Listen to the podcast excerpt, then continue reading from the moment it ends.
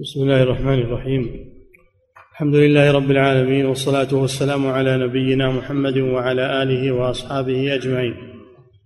أما بعد قال المؤلف رحمه الله تعالى باب النهي عن الانتفاع بجلد ما لا يؤكل لحمه. عن بسم الله الرحمن الرحيم. الحمد لله رب العالمين صلى الله وسلم على نبينا محمد على آله وأصحابه أجمعين. الحيوان ينقسم إلى قسمين ما يؤكل لحمه كبهيمة الأنعام والصيد وغير ذلك. وهذا تباح جلوده إذا دبغت غير خلاف المذكى منه. المذكى منه لا يختلف في أنه إذا دبر يستعمل القرب والمزادات وغير ذلك. والفرش ذلك. أما ما يؤكل لحمه ولكنه لم يذكى وهو الميتة ما مات مما يؤكل لحمه بالزكاة أو كان لا يؤكل لحمه ولا تعمل فيه الزكاة كسائر الحيوانات من الحمير والبغال والسباع والكلاب والخنازير الثعابين غير ذلك. فهذا وردت أحاديث النهي عن استعمال جلوده. جلود السباع كما في الباب. والتفاصيل ستأتي إن شاء الله. نعم. باب النهي عن الانتفاع بجلد ما لا يؤكل لحمه. عن أبي المليح بن أسامة عن أبيه أن رسول الله صلى الله عليه وسلم نهى عن جلود السباع. رواه أحمد وأبو داود والنسائي والترمذي وزاد أن تفترش. السباع كما سبق أو كما يأتي السباع هي ما تفترس بأنيابها السبع هو ما يفترس بنابه وما والطيور ما يفترس سباع الطيور ما يفترس بمخلبه ما يفترس بمخلابه. هذه هي السباع.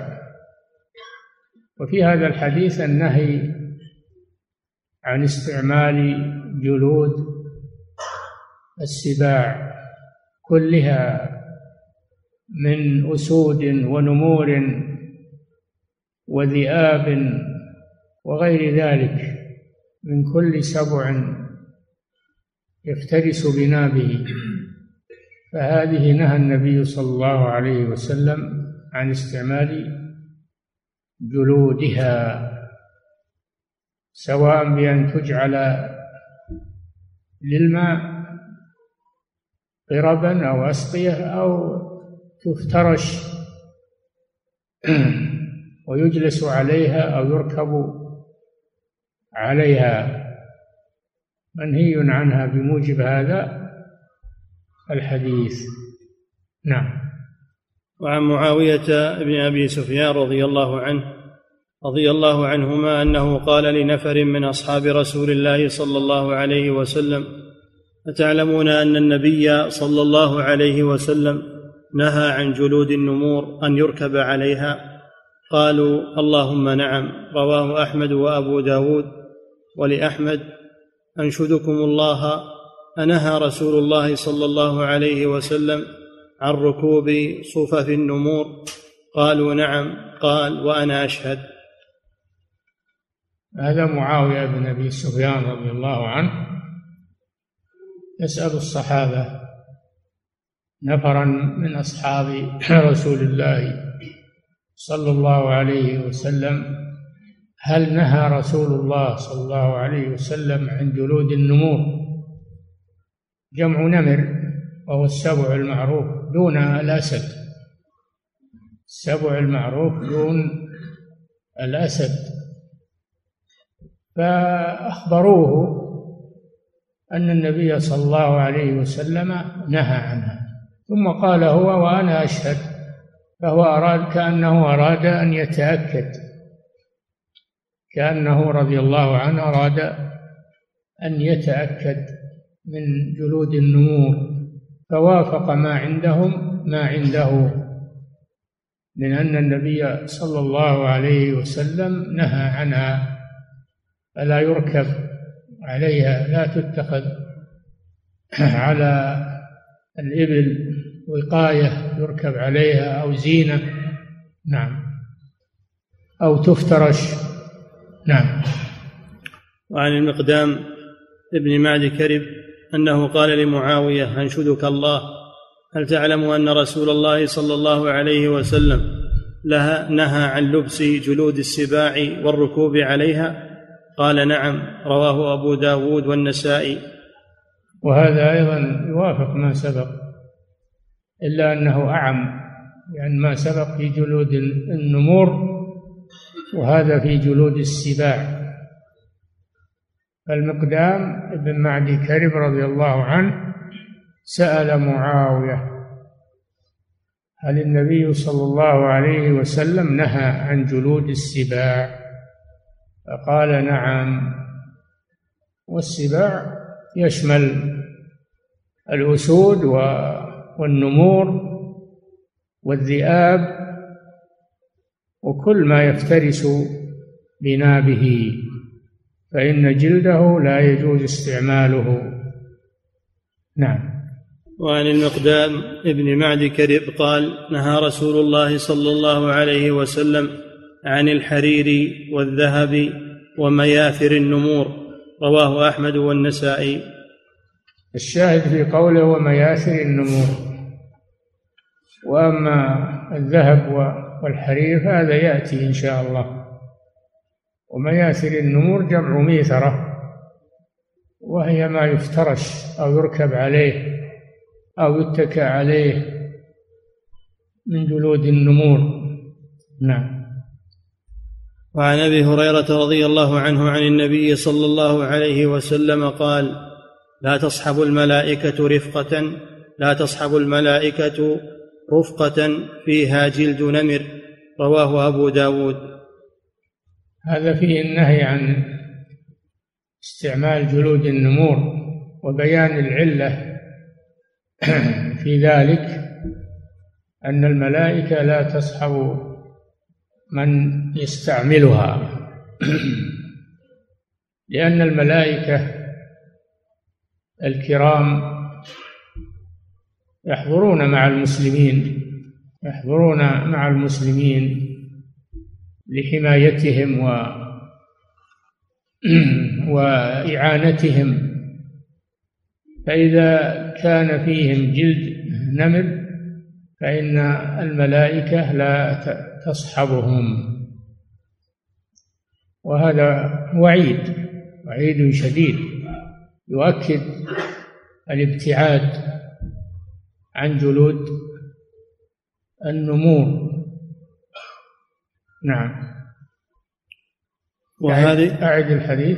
عن أبي هريرة رضي الله عنه عن النبي صلى الله عليه وسلم قال لا تصحب الملائكة رفقة فيها جلد نمر. نعم. رواه أبو داود. فيها جلد نمر. ايا كان استعماله. نعم. وهذه النصوص تمنع استعمال جلد ما لا يؤكل لحمه في اليابسات. وتمنع بعمومها طهارته بذكاة أو دباغ. هذه يقول المؤلف رحمه الله هذه الأحاديث تمنع استعمال جلود هذه المذكورات اليابسات لأن تجعل أوعية للحبوب أو للأشياء غير المائعة. أما المائعة فأشد مثل الماء دهن أشد جعلها أوعية للمائعات إذا كانت اليابسات لا تستعمل هذه أشياء أوعية لها. فالمائعات من باب أولى نعم. وتمنع بعمومها طهارته بذكاة أو دباغ.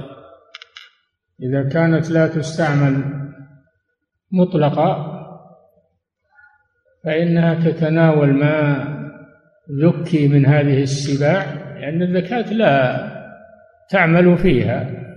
الزكاة لا تحل لحومها ولا جلودها سواء ذكيت أو لم تذكى. إنما الزكاة فيما يؤكل لحمه. وهذه حرام أكل لحومها. نعم. باب ما جاء في تطهير الدباغ. نعم. دباغ الدباغ هو معالجة الجلد حينما يسلخ. يكون فيه رطوبة ولزوجة كما هو معلوم. فلا يصلح للاستعمال. فيعالجونه بأن يضعوه في مواد من الشجر مواد حادة من الشجر كالقرض والإرطاء. غير ذلك من أنواع الأوراق أو الأعواء أو العيدان الحادة التي إذا وضعت في ماء تأثر بها الماء فإذا وضع الجلد فيه فإنها تنشف ما فيه من اللزوجة والرطوبة. ثم بعد ذلك يصبح صالحا للاستعمال. هذا هو الدباغ. نعم. باب ما جاء في تطهير الدباغ يكون بالماء يكون بالقرض ويكون بأنواع من الأشجار معروفة. توضع في ماء ثم يوضع فيها الجلد ويبقى مدة محددة حتى يتحلل ما فيه من الرطوبة واللزوجة تحلل ثم ينشف الجلد بعد ذلك. نعم.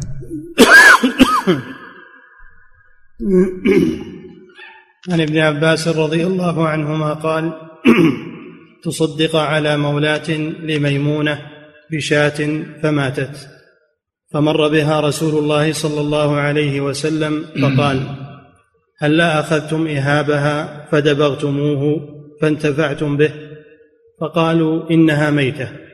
فقال إنما حرم أكلها. رواه الجماعة إلا أن ابن ماجه قال فيه عن ميمونة جعله من مسندها. وليس فيه للبخاري والنسائي ذكر الدباغ بحال. وفي لفظ لأحمد أن داجنا لميمونة ماتت. فقال رسول الله صلى الله عليه وسلم الا انتفعتم بإيهابها؟ ألا دبغتموه فإنه ذكاته. وهذا تنبيه على أن الدباغ إنما يعمل فيما تعمل فيه الذكاه نعم. هل الدباغة تسوغ استعمال كل الجلود حتى جلود السباع؟ أو تقتصر يقتصر تأثيرها على ما يؤكل لحمه بالزكاة. الحديث هذا وارد في ميتة ما يؤكل لحمه. في ميتة ما يؤكل لحمه. لأن الله سبحانه حرم الميتة. وظاهر التحريم يتناول جميع أجزائها ومنها الجلود. فهم لما ماتت هذه الشاة أخذوا بالعموم عموم تحريم الميتة فصاروا يجرونها ليبعدوها عنهم لئلا يتأذوا برائحتها. فلما رآهم النبي صلى الله عليه وسلم يجرونها. قال هل انتفعتم بإيهابها يعني جلدها؟ قالوا يا رسول الله إنها ميتة. إنها ميتة و المفهوم أن أن الميتة حرام بجميع أجزائها ومنها الجلد. فقال عليه الصلاة والسلام إنه إذا دبغ جلدها يصبح مباحا بالدباغة نعم. أعد.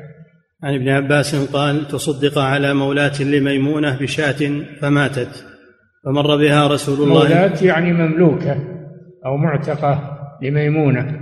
نعم. بشاة فماتت فمر بها رسول الله صلى الله عليه وسلم فقال هلا أخذتم إهابها فدبغتموه فانتفعتم به. دبغتموه.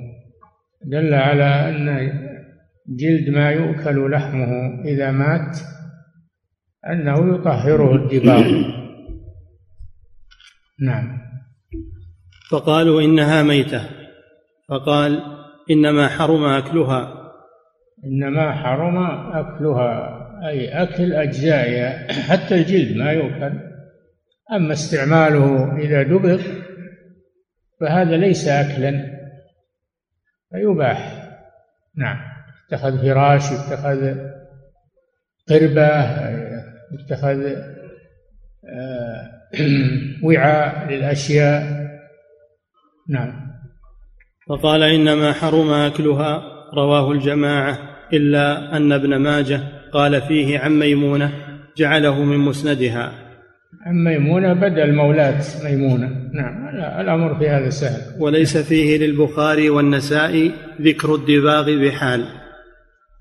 يعني أنه في البخاري وابن ماجه انتفعتم بإيهابها ولم يقيده بالدباغة لكن معلوم أن العام يحمل على الخاص. نعم. وفي لفظ لأحمد أن داجنا لميمونة والداجن هو الشاة التي تربى في البيت.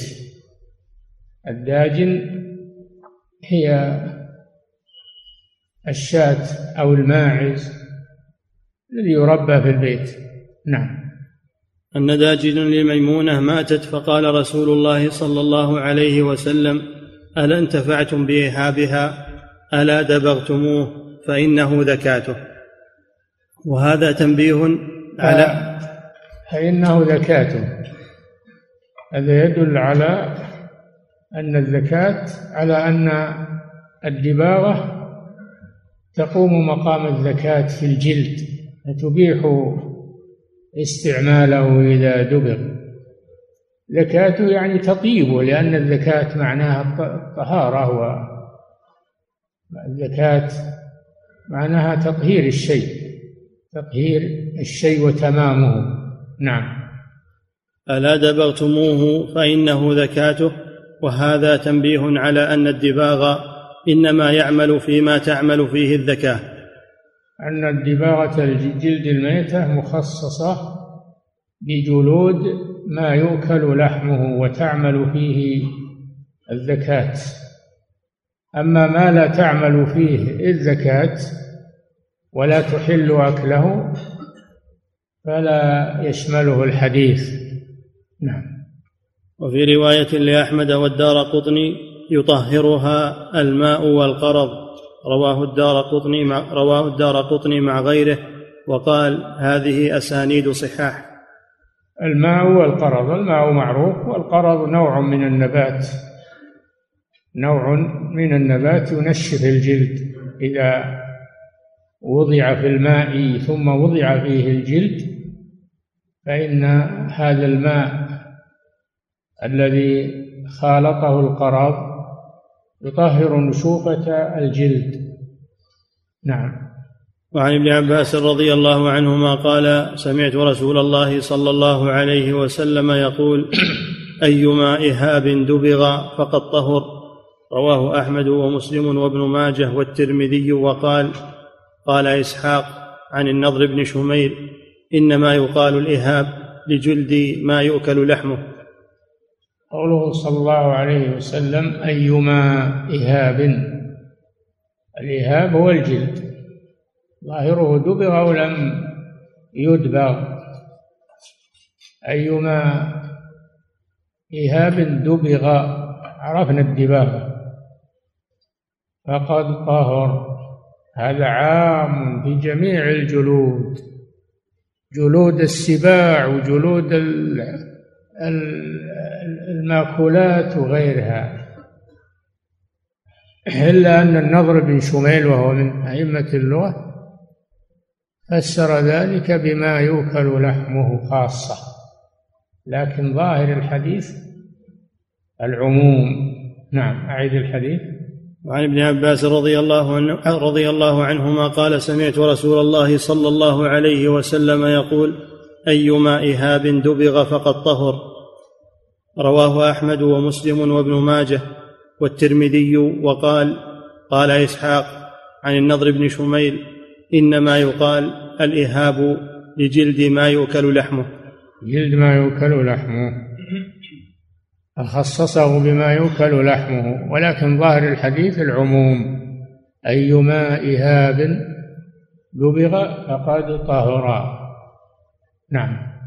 وعن ابن عباس رضي الله عنهما عن سودة زوج النبي صلى الله عليه وسلم قالت ماتت لنا شاة فدبغنا مسكها ثم ما زلنا ننتبذ فيه حتى صار شنا رواه أحمد والنسائي والبخاري وقال أن سودة مكان عن هذا الحديث.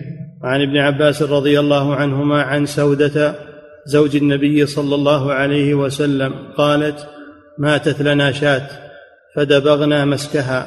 مسكها يعني جلدها نعم. ثم ما زلنا ننتبذ فيه حتى صار شنا. نعم هذا الحديث عن أم المؤمنين سودة بنت زمعة رضي الله تعالى عنها أنها ماتت لهم شاة يعني ماتت حتى أنفها لم تذكى فدبغوا جلدها وما زالوا ينتفعون ينتبذون به ينتبذون يعني يجعلون فيه النبيذ والنبيذ هو الماء يطرح فيه العنب أو شيء من الفواكه حتى يكون حلوا يشربونه. ما لم يشتد ويزبد أو تأتي عليه ثلاثة أيام كما يأتي في الأشربة. فالنبيذ أن يطرح التمر أو العنب أو غير ذلك مما يكون له طعم لذيذ. مع الماء ويشربونه. لكن إذا اشتد يعني أزبد تركوه لأنه أصبح خمرا. أو أتت عليه ثلاثة أيام ولو لم يشتد. وهذا يأتي إن شاء الله في باب الأشربة. هذا هو النبيذ. تقول ننتبذ فيه. حتى صار شنا هذا دليل على ما دلت عليه الأحاديث السابقة أن أن الدباغ يطهر جلد الميتة. نعم. وعن عائشة رضي الله عنها أن النبي صلى الله عليه وسلم أمر أن ينتفع بجلود الميتة إذا دبغت. رواه الخمسة إلا الترمذي وللنسائي سئل النبي صلى الله عليه وسلم عن جلود الميتة فقال دباغها ذكاتها كما سبق هذا مثل الأحاديث السابقة أن جلود الميتة إذا دبغت جاز استعمالها بأن تجعل ظرفا ووعاء للماء وغيره. إذا دبغت. وظاهره العموم لكل ميتة سواء كانت مما يعمل تعمل فيه الزكاة أو لا. نعم. وللنسائي سئل النبي صلى الله عليه وسلم عن جلود الميتة فقال دباغها ذكاتها وللدار قطني عنها عن النبي صلى الله عليه وسلم قال طهور كل أديم دباغه. قال الدار قطني إسناده كلهم ثقات. الزكاة تبيح الأكل أكل اللحم. والدباغة تبيح استعمال الجلد ولو لم يذكى. تبيح استعمال الجلد ولم ولو لم يذكى. فالزكاة تبيح اللحم وتبيح الجلد. هذه الزكاة. أما الدباغ فإنه يبيح استعمال الجلد فقط. الدباغ يبيح استعمال جلد الميتة فقط. وجعل النبي صلى الله عليه وسلم دباغة الجلد زكاته هذا يقولون من باب التشبيه يعني شبه شبه دباغة الجلد بذكاة الحيوان. أكما أن الزكاة تبيح اللحم والجلد فكذلك الدباغة تبيح الجلد. نعم. وهذا عام في كل كل الجلود. نعم. باب تحريم أكل جلد الميتة وإن دبغ. عن ابن عباس. آه هذه الأحاديث كما رأيتم في جلود السباع. وجلود الميتات وهي مختلفة. منها ما هو عام ومنها ما هو مقيد. قد اختلف العلماء في جلود الميتة. هل هل يطهرها الدباغ كلها أو لا يطهرها كلها؟ أو يطهر بعضها ولا يطهر البعض الآخر على خلاف بين العلماء. وقد ذكر الشوكاني رحمه الله شارح هذا الكتاب في نيل الأوطار أن في المسألة ثمانية مذاهب. ثمانية مذاهب. الصنعاني في سبل السلام ذكر سبعة مذاهب. في في جلد الميتة إذا دبغت المذهب الأول أن الدباغة تبيح استعمال جلود الميتة مطلقا. من أي نوع كانت؟ تبيح جلودها مطلقا. أخذا بالأحاديث التي لم تقيد أيما إهاب دبغ فقد طهر. هذا عام. وما أشبهه من العمومات. المذهب الثاني المذهب الثاني أنه لا يطهر شيء من جلود الميتة. مقابل مقابل الأول. لا يطهر شيء من جلود الميتة.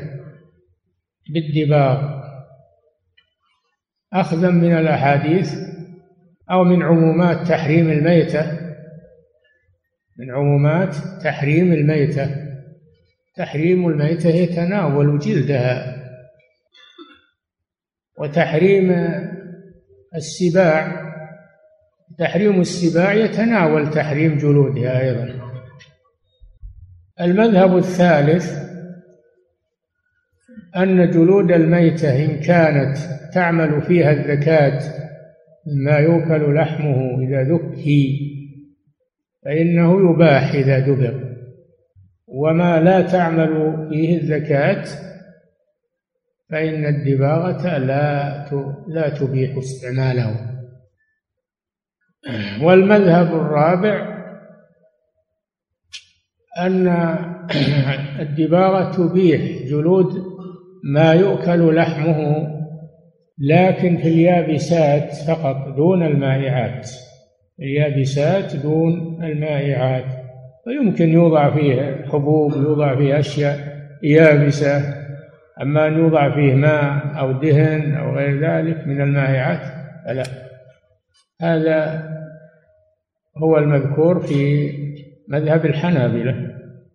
الماء في اليابسات دون المائعات وبشرط أن يكون الحيوان مما تعمل فيه الزكاة.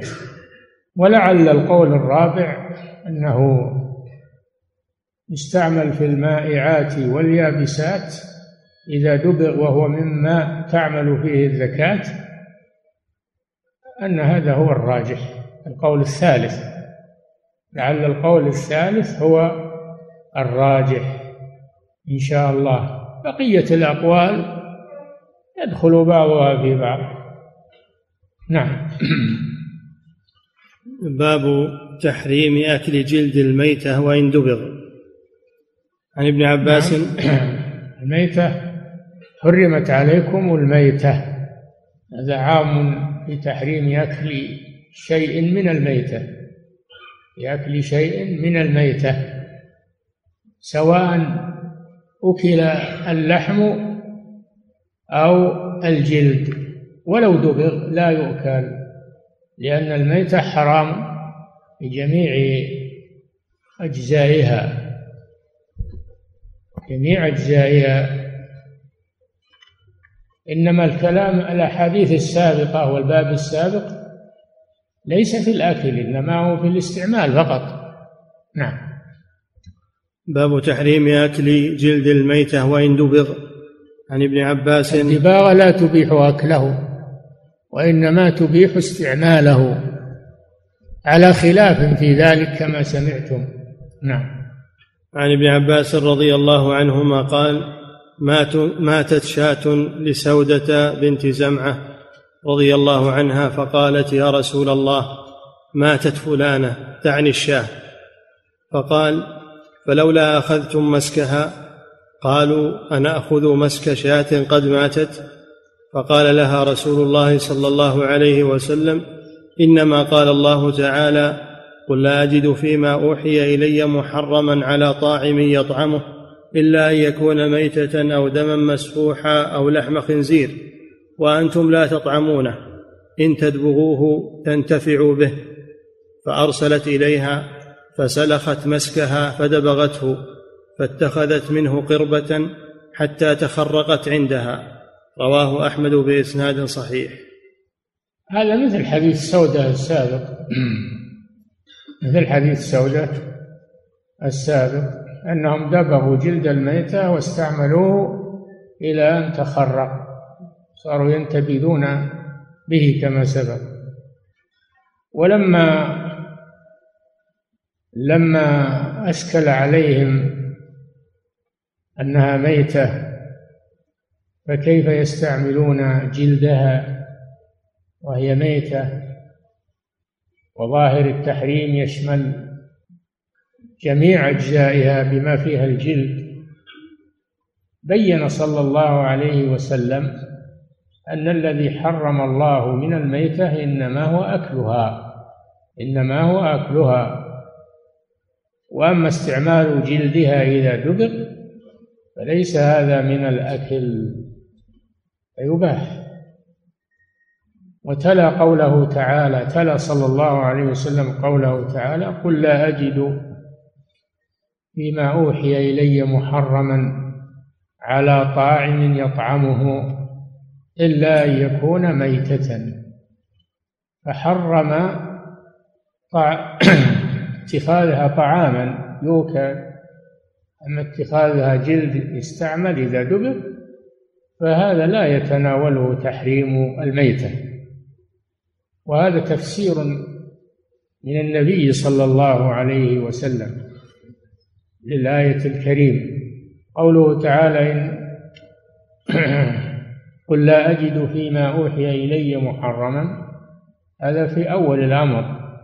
في أول الأمر حين نزلت سورة الأنعام. لأن في الجاهلية كانوا يحرمون أشياء. من بهيمة الأنعام يحرمون السائبة والوصيلة والحام ما جعل الله من بحيرة ولا سائبة ولا وصيلة ولا حام. كانوا يحرمون هذه الأنواع من بهيمة الأنعام فرد الله عليهم وأمر رسوله أن يقول لهم لا أجد فيما أوحي إلي محرما على طاعم أي على آكل يطعمها يأكله. إلا أن يكون ميتة أو دما مسفوحا أو لحم خنزير. ثم بين الرسول صلى الله عليه وسلم وألحق بالآية قوله صلى الله نهيه صلى الله عليه وسلم عن كل ذي ناب من السباع وكل ذي مخلب من الطير. فحرمت هذه الأشياء بحديث الرسول صلى الله عليه وسلم فتكون ملحقة بالآية الكريمة.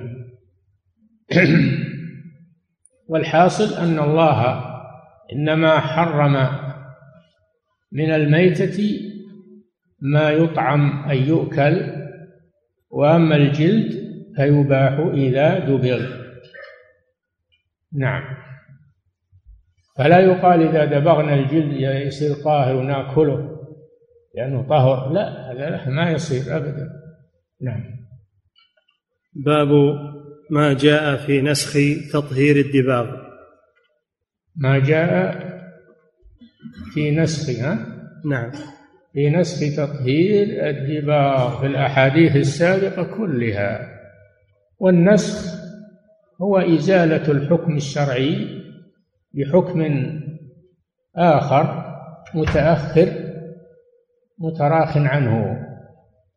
هذا هو النسخ. النسخ في اللغة الإزالة. النسخ في اللغة له معاني منها الإزالة. يقول نسخت الشمس الظل إذا أزالته. فالنسخ بمعنى الإزالة فهو إزالة حكم شرعي بحكم آخر بدليل متأخر. متراخ عنه. والنسخ واقع في الشريعة الإسلامية واقع كثيرا وواقع في الشرائع السابقة فإنما أنكرته اليهود لأجل أن تمنع أن رسالة محمد صلى الله عليه وسلم ناسخة لما قبلها. هم يريدون أن شريعتهم باقية وأنه لا ي... وأنهم لا يتركونها. هذا ما يريدونه بإنكار النسخ مع أن النسخ واقع حتى في التوراة التي بأيديهم كل الطعام كان حلا لبني إسرائيل إلا ما حرم إسرائيل على نفسه قبل أن تنزل التوراة. هاتوا بالتوراة فاتلوها. إن كنتم صادقين. وأيضا يريدون أن يمنعوا استقبال الكعبة ولا يرون أنه ناسخ لاستقبال بيت المقدس. كان استقبال بيت المقدس مشروعا والمسلمون صلوا إلى بيت المقدس في أول الأمر ثم نسخ ذلك وحولت القبلة إلى الكعبة. هذا نسخ. لا يريدون هذا. يريدون إبطال استقبال الكعبة والبقاء على استقبال بيت المقدس تبعا لأهوائهم وعنادهم. فلذلك ينكرون النسخ والنسخ واقع ومجمع عليه عند المسلمين مجمع عليه عند المسلمين إلا من شذ منهم وهو محجوج بالإجماع. وله شواهد كثيرة الشريعة والناسخ والمنسوخ من العلوم الشرعية التي تعتمد وتدرس. فهذا هو هو النسخ. الأحاديث السابقة كلها تدل على جواز استعمال جلد الميتة إذا دبغ. بينما يأتينا حديث عبد الله بن عكيم أنه قال أنه صلى الله عليه وسلم قال لا تنتفعوا من الميتة بإهاب ولا عصا. هذا قبل وفاة الرسول صلى الله عليه وسلم. بزمن قليل فيكون ناسخا لما سبق. وأنه لا ينتفع من الميتة بإيهاب ولا عصب فلو صح حديث عبد الله بن عكيم لكان ناسخا لكنه لم يصح. وفيه طعون كثيرة فيبقى تبقى الأحاديث السابقة على دلالتها. الله أعلم. نعم. باب باب ما جاء في نسخ تطهير الدباغ عن عبد الله بن باب ما جاء. ما قال باب نسخ؟ تطهير الدباغ لأنه ما جزم بهذا لكن جاء هذا وفيه نظر. نعم. عن عبد الله بن عكيم قال كتب إلينا رسول الله صلى الله عليه وسلم قبل وفاته بشهر. قبل وفاته بشهر متأخر. فلو صح هذا الحديث لكان ناسخا. نعم. كتب إلينا رسول الله صلى الله عليه وسلم قبل وفاته بشهر. ألا تنتفعوا من الميتة بإهاب ولا عصب. والإهاب عرفناه هو الجلد المدبوغ فقال لا تنتفعوا من الميتة بإهاب مع أنه في الأحاديث السابقة أباح ذلك فيكون ناسخا. والشرع فيه الناسخ والمنسوخ. نعم. رواه الخمسة ولم يذكر منهم المدة غير أحمد وأبي داود وقال لم يذكر المدة التي هو التي قبل وفاته بشهر لم يذكرها إلا بعض المحدثين. نعم. وقال الترمذي هذا من جملة ما أجيب به عن هذا الحديث. نعم. وقال الترمذي هذا حديث حسن وللدار قطني أن رسول الله والحسن هو ما كان دون الصحيح في الدرجة. ما كان دون الصحيح في الدرجة. لأن الأحاديث على ثلاثة أقسام صحيح وحسن وضعيف. نعم. وللدار قطني أن رسول الله صلى الله عليه وسلم كتب إلى جهينة إني كنت رخصت لكم في جلود الميتة فإذا جاءكم كتابي هذا فلا تنتفعوا من الميتة بإهاب ولا عصب. هذا نعم مثل ما الذي قبله لا تنتفعوا. من الميتة كتب إلى جهينة قبيلة معروفة. نعم. وللبخاري في تاريخه. عن عبد الله بن عكيم. في تاريخه تاريخه تاريخ البخاري. عبارة عن تراجم للرواة. يسمى تاريخ الرواة سير الرواة. نعم. التاريخ؟ يطلق على تاريخ الحوادث والأخبار. وهذا ليس هو المقصود. تاريخ عند المحدثين هو سير الرواة. تاريخ الرواة. نعم. وللبخاري في تاريخه عن عبد الله بن عكيم قال حدثنا مشيخة لنا من جهينة أن النبي صلى الله عليه وسلم كتب إليهم ألا تنتفعوا من الميتة بشيء. نعم. وأكثر أهل العلم. فهذه روايات لهذا الحديث كلها تتفق على قوله لا تنتفعوا من الميتة إيهاب ولا عصاب. فلو صح صحت هذه الأحاديث أو صح هذا الحديث برواياته لكان ناسخا لكل ما سبق. نعم. وأكثر أهل العلم على أن الدباغ مطهر في الجملة. على على أن الدباغ مطهر في الجملة نعم. لصحة النصوص به. هذا وخ... جواب عن حديث عبد الله بن عقيل نعم. وأكثر؟ وأكثر أهل العلم على أن الدباغ مطهر في الجملة.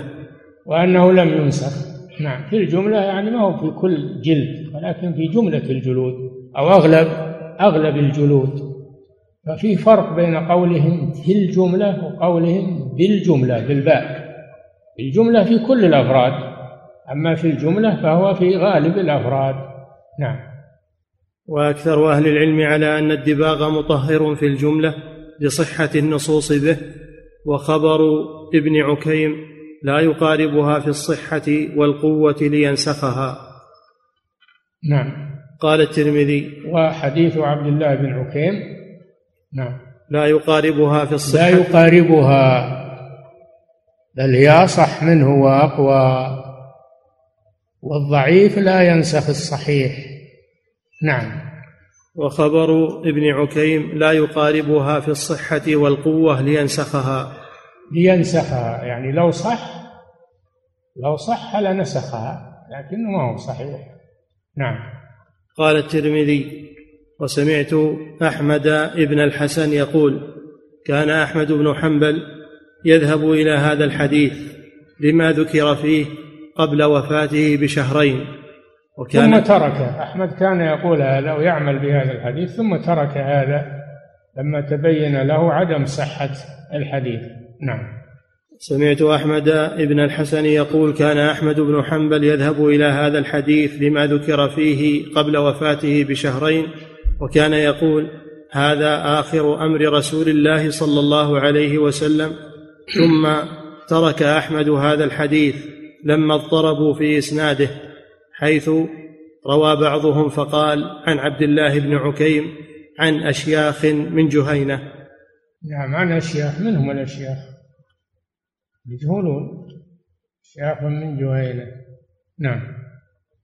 باب نجاسة هذا. على كل حال تبقى الأحاديث.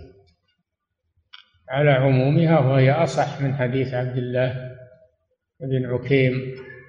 وحديث عبد الله بن عكيم فيه نظر كثير فلا يقارب الأحاديث الصحيحة حتى ينسخها. نعم.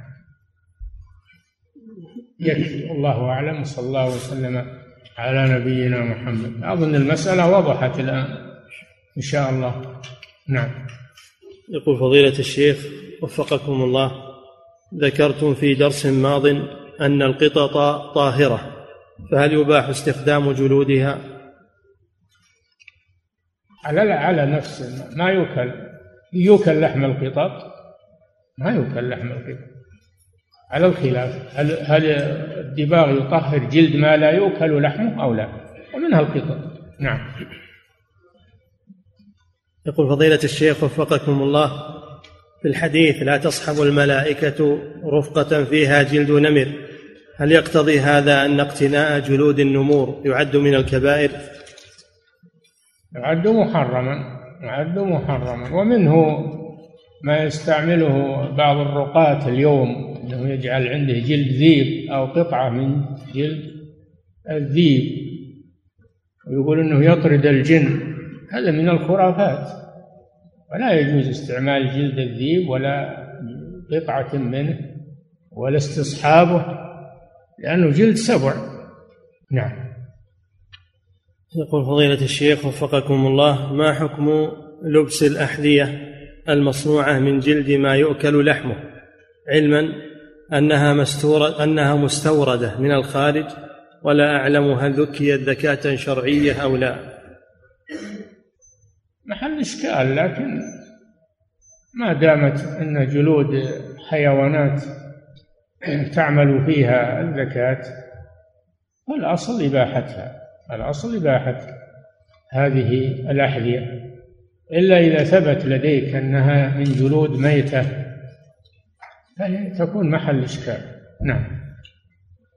يقول فضيلة الشيخ وفقكم الله لبس الأحذية المصنوعة من جلود صغار التماسيح وأنا لا أعلم هل هو جلد صناعي أو طبيعي. معنى يا أخي جلد صناعي؟ الجلد ما يصنع ابد الله هو الذي يخلق الجلود. ما في جلد صناعي. هذا منسوج نسيج. مو بجلد ما يسمى جلد. نعم. يقول فضيلة الشيخ وفقكم الله هل البطانية والفرش وملابس النساء التي تشبه جلد النمر يكون فيها شيء. ما ما فيها شيء إذا كانت من القماش أو من الصوف أو من لكن المحرم فيها الصورة. إذا كان فيها صورة نمر ولا صورة أسد لا يجوز استعمالها. نعم. إلا أن بعضهم يقول ما دامت تفترس ما دامت تفترس فهي ممتهنة ولكن أنا أقول الابتعاد عنها أحسن. نعم. يقول فضيلة الشيخ وفقكم الله الضبع مما يؤكل لحمه فهل يباح جلده بالدباغ أم يلحق بالسباع من ناحية الأصل؟ ما يؤكل لحمه إذا إذا مات الضبع وغيره جلد الميتة من الضبع وغيره فيها الخلاف تدخل تحت الخلاف الذي مر بكم. أما إذا ذكيت الضبع فلا إشكال في إباحة جلدها ولحمها لأنها من الصيد. نعم. يقول فضيلة الشيخ وفقكم الله الإهاب هو الجلد بعد الدباغ. نعم. الإهاب هو الجلد بعد الدباغ. ورواية الحديث هلا أخذتم إهابها فدبغتموه؟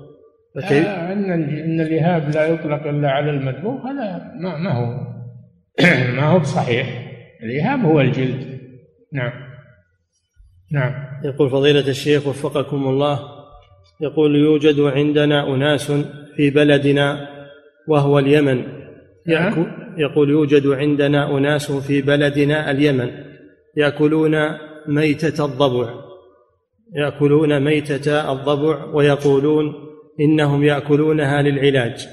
فمن به ألم في الرقبة يأكل من رقبتها وهكذا. فما حكم فعلهم؟ الميتة لا يجوز أكلها. حرمت عليكم الميتة من الضبع وغيره. ولا يجوز العلاج بأجزاء الميتة لأنه حرام ولا يجوز التداوي بالحرام. لا يجوز التداوي بالحرام. قال صلى الله عليه وسلم تداووا ولا تداووا بحرام. عن ابن مسعود رضي الله عنه في البخاري إن الله لم يجعل شفاءكم فيما حرم عليكم فلا يجوز التداوي بشيء من الميتة سواء الضبع أو غير الضبع. نعم. يقول فضيلة الشيخ وفقكم الله في الحديث أن مولاة لميمونة ما الفرق بين المولى والمملوك؟ ما الفرق؟ بين المولى والمملوك. المولى أعم يشمل المعتق ويشمل المملوك. نعم. يقول فضيلة الشيخ وفقكم الله يقول لقد قرأت في فتوى لهيئة كبار العلماء برئاسة سماحة الشيخ بن باز يقول بجواز أكل التمساح. فهل نعم. نقول قرأت في فتوى. لهيئة كبار العلماء برئاسة ابن باز رحمه الله بجواز أكل التمساح وأنه قد اختلف فيه. فهل فهل الحكم على جواز أكله؟ إذا قيل بأكله أنه يجوز محل خلاف يعني اللي يعيش في البر والبحر هل يغلب جانب البحر فيباح أو يغلب جانب البر فيحرم؟ المذهب أنه يغالب يغلب جانب البر. اللي يسمى البرمائي هذا يغلب جانب البر لأنه إذا تعارض حظر وإباحة يغلب جانب الحظر. قد ي... أنا ما شفت الفتوى لكن قد يكونون مع القول الثاني أن يغلب جانب الإباحة. الله أعلم. نعم. يقول فضيلة الشيخ وفقكم الله هل يقوم مقام الدباغ غيره من التنظيف بالصابون ونحوه؟ لا. ما الصابون ما يدبغ الجلد. يدبغ الجلد الأشياء الحادة التي تخمر في الماء أياما حتى تنشف الجلد وتمتص ما فيه من الرطوبة واللزوجة. نعم. يقول حفظك الله هل قشور الرمان تعد من الأشياء الحادة التي تدبغ بها الجلود؟ نعم. جلود قشور الرمان يدبغ بها لأنها حادة. نعم. يقول فضيلة الشيخ وفقكم الله جلود الحمر المستأنسة وكذا الحمر الوحشية هل تطهر بالدباغ؟ نعم. جلود الحمر المستأنسة وكذا الحمر الوحشية هل تطهر بالدماغ؟ الحمر الوحشية مأكولة. هذه وأما الحمر الإنسية هذه حرام. وجلودها فيها الخلاف. هل يطهرها الدباغ أو لا يطهرها؟ الخلاف يدخل المختلف فيه. نعم. يقول فضيلة الشيخ وفقكم الله المذكى من الحيوان الذي يؤكل لحمه. هل يشترط لاستعمال جلده أن يدبغ أو إنه يحل بمجرد الذكاء؟ ما يستقذر أنك تضع فيه شيء وهو ما دبغ. يستقذر لأنه لأنه ياثر في ما يوضع فيه وهو ما دبغ تؤثر فيه رائحة كريهة وطعما آه، كريها و... نعم. يقول فضيلة الشيخ وفقكم الله بقوله صلى الله عليه وسلم لا تصحب الملائكة رفقة فيها جلد نمر. ما المقصود بالملائكة أو من هم الملائكة المقصودون في هذا الحديث؟ ملائكة الرحمة. المقصود ملائكة الرحمة. أما ملائكة الحفظ الذين يحفظون أعمال بني آدم فهؤلاء لا يفارقوننا. إنما المراد ملائكة الرحمة. كما في الحديث لا تدخل الملائكة بيتا فيه كلب ولا صورة يعني ملائكة الرحمة. نعم. يقول فضيلة الشيخ وفقكم الله رجل اعتمر. ونسي أن يحلق أو يقصر. وإذا وإذا تجنبت ملائكة الرحمة يجون الشياطين. يأتون الشياطين بدل الملائكة. لأن الشياطين ما تجتمع مع الملائكة أبدا. نعم. يقول فضيلة الشيخ وفقكم الله رجل اعتمر ونسي أن يحلق أو يقصر وأحل إحرامه فما الذي يلزمه؟ اعتمر. ونسي أن يحلق أو يقصر وأحل إحرامه فما الذي يلزمه؟ عليه أن يبادر ويعيد ملابس الإحرام عليه في أي مكان حتى ولو في الرياض. يعيد ملابس الإحرام عليه ويحلق أو يقصر ثم يلبس ثيابه. وإن كان أنه حصل منه جماع امرأته فإنه يضيف أيضا أنه يذبح شاة في مكة. ويوزعها على فقراء الحرم. نعم. يقول فضيلة الشيخ وفقكم الله رجل رزقه الله بمولودة. رجل رزقه الله بمولودة فهل يجوز له أن يسميها ترف؟ سميها؟ ترف. ترف؟ نعم. الترف مذموم يا أخي في القرآن وفي لا تسميها ترف لأن الترف مذموم في القرآن. نعم. يقول فضيلة الشيخ. ومن السنة أو من الواجب أن تحسن اسم مولودك. تسميه باسم حسن ولا تسميه باسم قبيح أو مكروه. نعم. يقول فضيلة الشيخ وفقكم الله هل الأفضل الصلاة خلف الإمام في الصف الثاني أم الصلاة في الصف الأول؟ وإن كان بعيدا في آخر الصف يسارا أو يمينا. لا الصلاة في الصف الثاني مع القرب من الإمام والاقتداء به أفضل من الصلاة في الصف الأول بعيدا منه. نعم.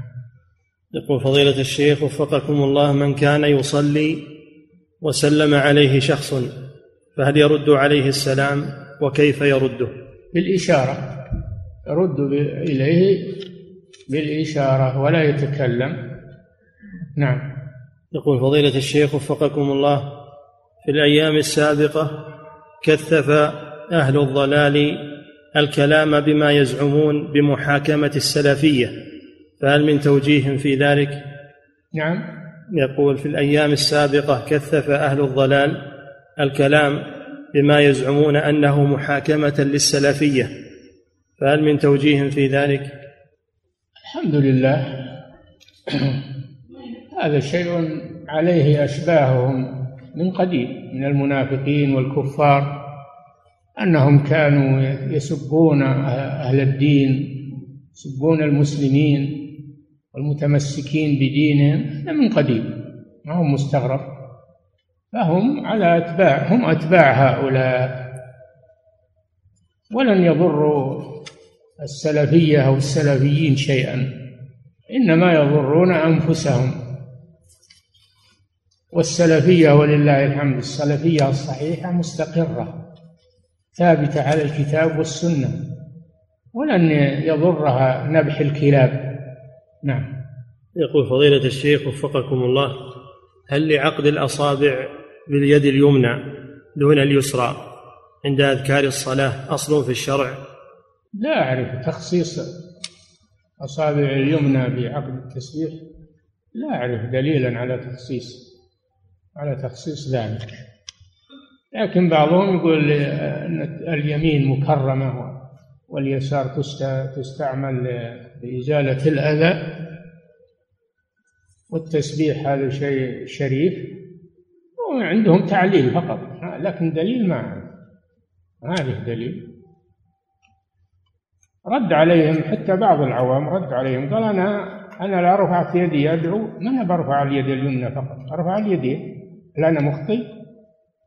أنا إذا سجدت أسجد على اليدين أنا بسجد على اليمنى فقط أدل على أن ما عندهم دليل على هذا إنما استحسان منهم أو نعم يقول فضيلة الشيخ وفقكم الله رجل قال لعامل عنده وهو غضبان عليه. قال علي اليمين علي اليمين أن لا تدخل هذا المحل. وهو الآن يريد أن يرده إلى العمل مرة أخرى. فهل عليه شيء إذا رده؟ والله هذا مجمل عليه أنه إن كان هو بالرياض يجي إلى يحضر في الإفتاء ويشاف إيش قصده. إن كان ما هو بالرياض يروح للمحكمة لأدنى محكمة عند القاضي ويستفصل منه. نعم. يقول فضيلة الشيخ وفقكم الله غضبت مني زوجتي. يقول غضبت مني زوجتي فلعنتني. ها؟ غضب غضبت مني زوجتي فقامت بلعني. وقلت لها أن تتق الله وأن هذا حرام. سؤاله ما الواجب علي حيال ذلك؟ وكيف أفعل معها إن تكرر منها هذا اللعن؟ ما نصيحتكم لي؟ عليك أن تنصحها مثل ما فعلت. تكرر النصيحة لا وتخوفها بالله. هذا الذي تملك. نعم. يقول فضيلة الشيخ وفقكم الله امرأة تسأل فتقول ما حكم استخدام الكريم على الوجه لأجل تقشير البشرة وتفتيح لون الوجه؟ هل هذا جائز للمرأة؟ تقشير؟ نعم. نهي عن القاشرة. أما أنك تستعمله دهان يلين الجلد أو من باب الدهان فقط لا مانع. أما أن باب التقشير هذا فيه نهي عن التقشير والقاشرة. نعم. يقول فضيلة الشيخ وفقكم الله ما حكم مس المصحف لمن عنده سلس البول أو عنده غازات مستمرة؟ من عنده سلس البول؟ نعم. إذا كان أنه مستمر معه ولا يقدر ويتوضا عندما يريد تلاوة القرآن ويستمر مثل ما أنه يتوضأ عند الصلاة ويستمر في الصلاة ولو خرج منه شيء لأنه لا يستطيع أكثر من ذلك. نعم. يقول فضيلة الشيخ وفقكم الله هل يجوز إطلاق هذا اللفظ وهو عز الله؟ وذلك أثناء أثناء الحديث فأقول عز الله أنه قد حصل كذا وكذا هل هذه اللفظة جائزة؟ ما فيها شيء. أقول ما فيها شيء. الله جل وعلا هو العزيز الحكيم. عز وجل. ماذا تقول عز وجل؟ الله عز وجل. نعم. فضيلة الشيخ وفقكم الله. امرأة تسأل فتقول إنها قد ركبت لولبا وبعده بيومين أتتها الدورة واستمرت معها عشرة أيام ثم اغتسلت وصلت. لكن نزل بعد ذلك دم ليس بدم دورة فسألت أحد العلماء فقال زيدي على أيام الدورة ثلاثة أيام ثم اغتسلي. سؤالها أنها بعد هذا الأمر بفترة وجيزة رجع الدم مرة أخرى وهو دم الدورة ولها الآن أحد عشر يوما لم تر الطهر. فما الحكم فيها؟ علما بأن دورتها المعتادة ستة أيام فقط. هذه هي التي جنت على نفسها لخبطت عليها الدورة. وهذه ما دامت سألت أحد العلماء وأفتاها تأخذ بفتوى. نعم. يقول فضيلة الشيخ وفقكم الله نرى البعض أو نرى بعض الناس قبل خروج الإمام لخطبة الجمعة بخمس دقائق تقريبا يرفعون أيديهم بالدعاء. نرى. نرى بعض الناس قبل خروج الإمام لخطبة الجمعة بخمس دقائق تقريبا يرفعون أيديهم بالدعاء فهل ورد في ذلك شيء؟ لا أعلم شيئا في هذا. لا أعلم أنهم يتقدمون الإمام برفع أيديهم بالدعاء. إن كانوا يقصدون تحري ساعة الإجابة فلا أعلم أنها أن الوقت أنه يتحرى فيه ساعة الإجابة. المهم لا أعرف لهذا أصلا. نعم. يقول فضيلة الشيخ وفقكم الله إذا جامع الرجل زوجته ولم ينزل منيا فهل يغتسل أم يكفيه الوضوء؟ إذا إذا جامع الرجل زوجته ولم ينزل منيا فهل يغتسل أم يكفيه الوضوء؟ إذا كان أولج إذا كان أولج ذكره في فرجه فإنه يجب عليه الاغتسال ولو لم ينزل. إذا التقى الختانان قد وجب الغسل كان الرجل وختان المرأة. التقيا غابت الحشفة فإنه يجب عليه الاغتسال ولو لم ينزل. نعم.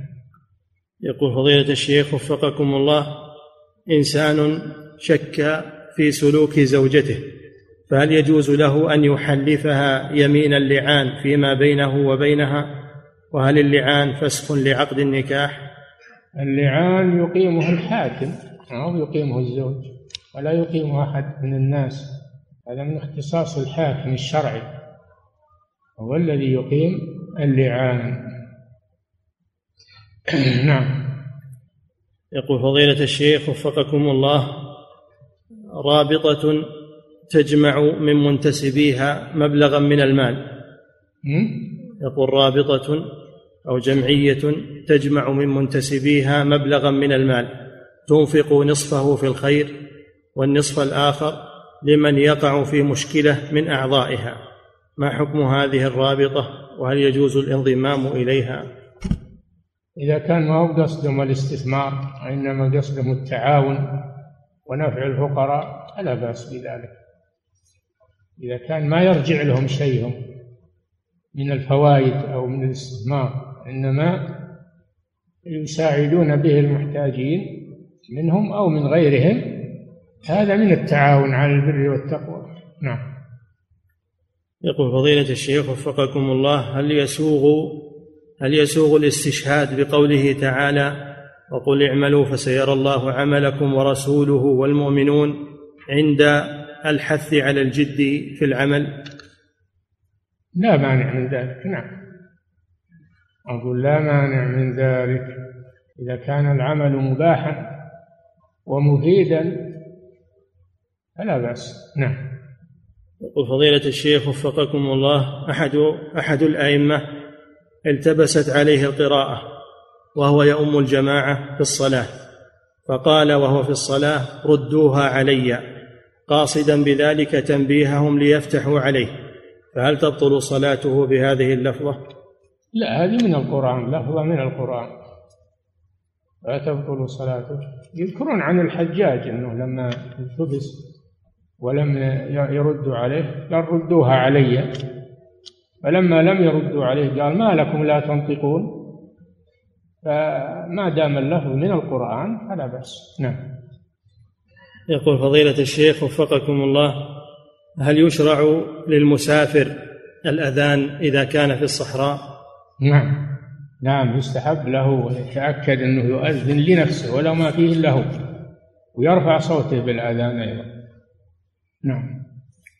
يقول فضيلة الشيخ وفقكم الله أوترت في منتصف الليل وبعد الوتر تذكرت أني قد صليت العشاء على غير طهارة فهل إذا أعدت صلاة العشاء أعيد صلاة الوتر كذلك؟ لا لأنك يوم تصليها ما ما فطنت.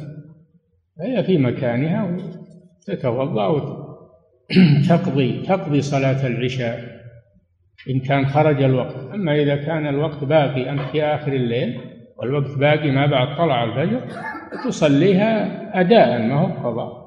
نعم يقول فضيلة الشيخ وفقكم الله هل يجوز استعمال مياه المجاري التي نظفت من التي نظفت بالكيميائيات استعمال إيش؟ مياه المجاري استعمالها بإيش؟ بالطبخ والوضوء هذا يقولون النجس إذا زال تغيره بنفسه عاد طهورا أما إذا عولج زال تغيره بالمعالجة فإنه لا يعود طهورا. نعم. يقول فضيلة الشيخ وفقكم الله بالنسبة للشخص الداخل إلى المسجد هل يسلم بصوت يسمعه؟ نعم. بالنسبة؟ بالنسبة للشخص الداخل إلى المسجد هل يسلم بصوت يسمع الكثير أم بقدر ما يسمع شخصا أو شخصين؟ يسمع من من من بجانبه. يسمع من بجانبه في الصف ولا يرفع صوته يشوش على الآخرين. نعم. يقول فضيلة الشيخ وفقكم الله هل يقاس على النهي عن الخطبة على خطبة أخيه أن يتقدم شخص لأحد الأعمال الشرعية كالإمامة مثلا ويقبل به عامة الجماعة ويستمر معهم ثم أتقدم أنا وأعرض عليهم أو لعدد منهم أن أتولى الإمامة بدلا عنه. فهل فهل لي ذلك؟ لا يجوز هذا. لا يجوز. أن تضر بأخيك إذا تقدم للإمامة أو الأذان فلا يجوز لك أن تعترض عليه وتقول أنا أحق منها وأنا. اصبر لما تشوف. إن كان إنه التزم والزم بالعمل الحمد لله. وإن تخلى عن هذا أو المسؤولون لم يروا صلاحيته فتقدم حين ذاك. حق المسلم على المسلم إنك ما تضره نعم. يقول فضيلة الشيخ وفقكم. لا تخطب على خطبته ولا تبع على بيعه ولا تسم على سومه نعم. يقول فضيلة الشيخ وفقكم الله امرأة لها طفلة تحبو. وأثناء انشغالها في شؤون المنزل سقطت هذه الطفلة في سطل ماء فغرقت وماتت. فهل على الأم كفارة؟ هذا يحتاج إلى التحقق من الواقع. ما نقدر نقول ما عليها أو عليها لازم نتحقق من الواقع. نعم. يقول فضيلة الشيخ وفقكم الله شخص أوصاه والده بأن يذبح شاة صدقة. في مكان ما عينه الوالد فلم يذبحها في المكان نفسه بل ذبحها في مكان آخر غير الذي أوصى به الوالد. فما الحكم في ذلك؟ كان الوالد يقصد أهل ذاك المحل لأنهم محتاجون أو لأنه إذا كان يقصد ذاك المحل أهل أهل ذاك المحل فلا يذبحها في غيره. أما إذا كان ما يقصد أهل المحل المحلات كلها سواء. نعم. يقول فضيلة الشيخ وفقكم الله من رأى حيوانا مشرفا على الموت فهل يجوز له أن يجهز عليه وأن يريحه مما هو؟ ما يجوز. ذبح الحيوان لإراحته لا يجوز. يترك حتى يموت أو يتشافى إلا إذا أردت أن تأكله أو يأكله غيرك ذبح الحيوان للأكل لا بأس أما ذبحه فقط للإراحة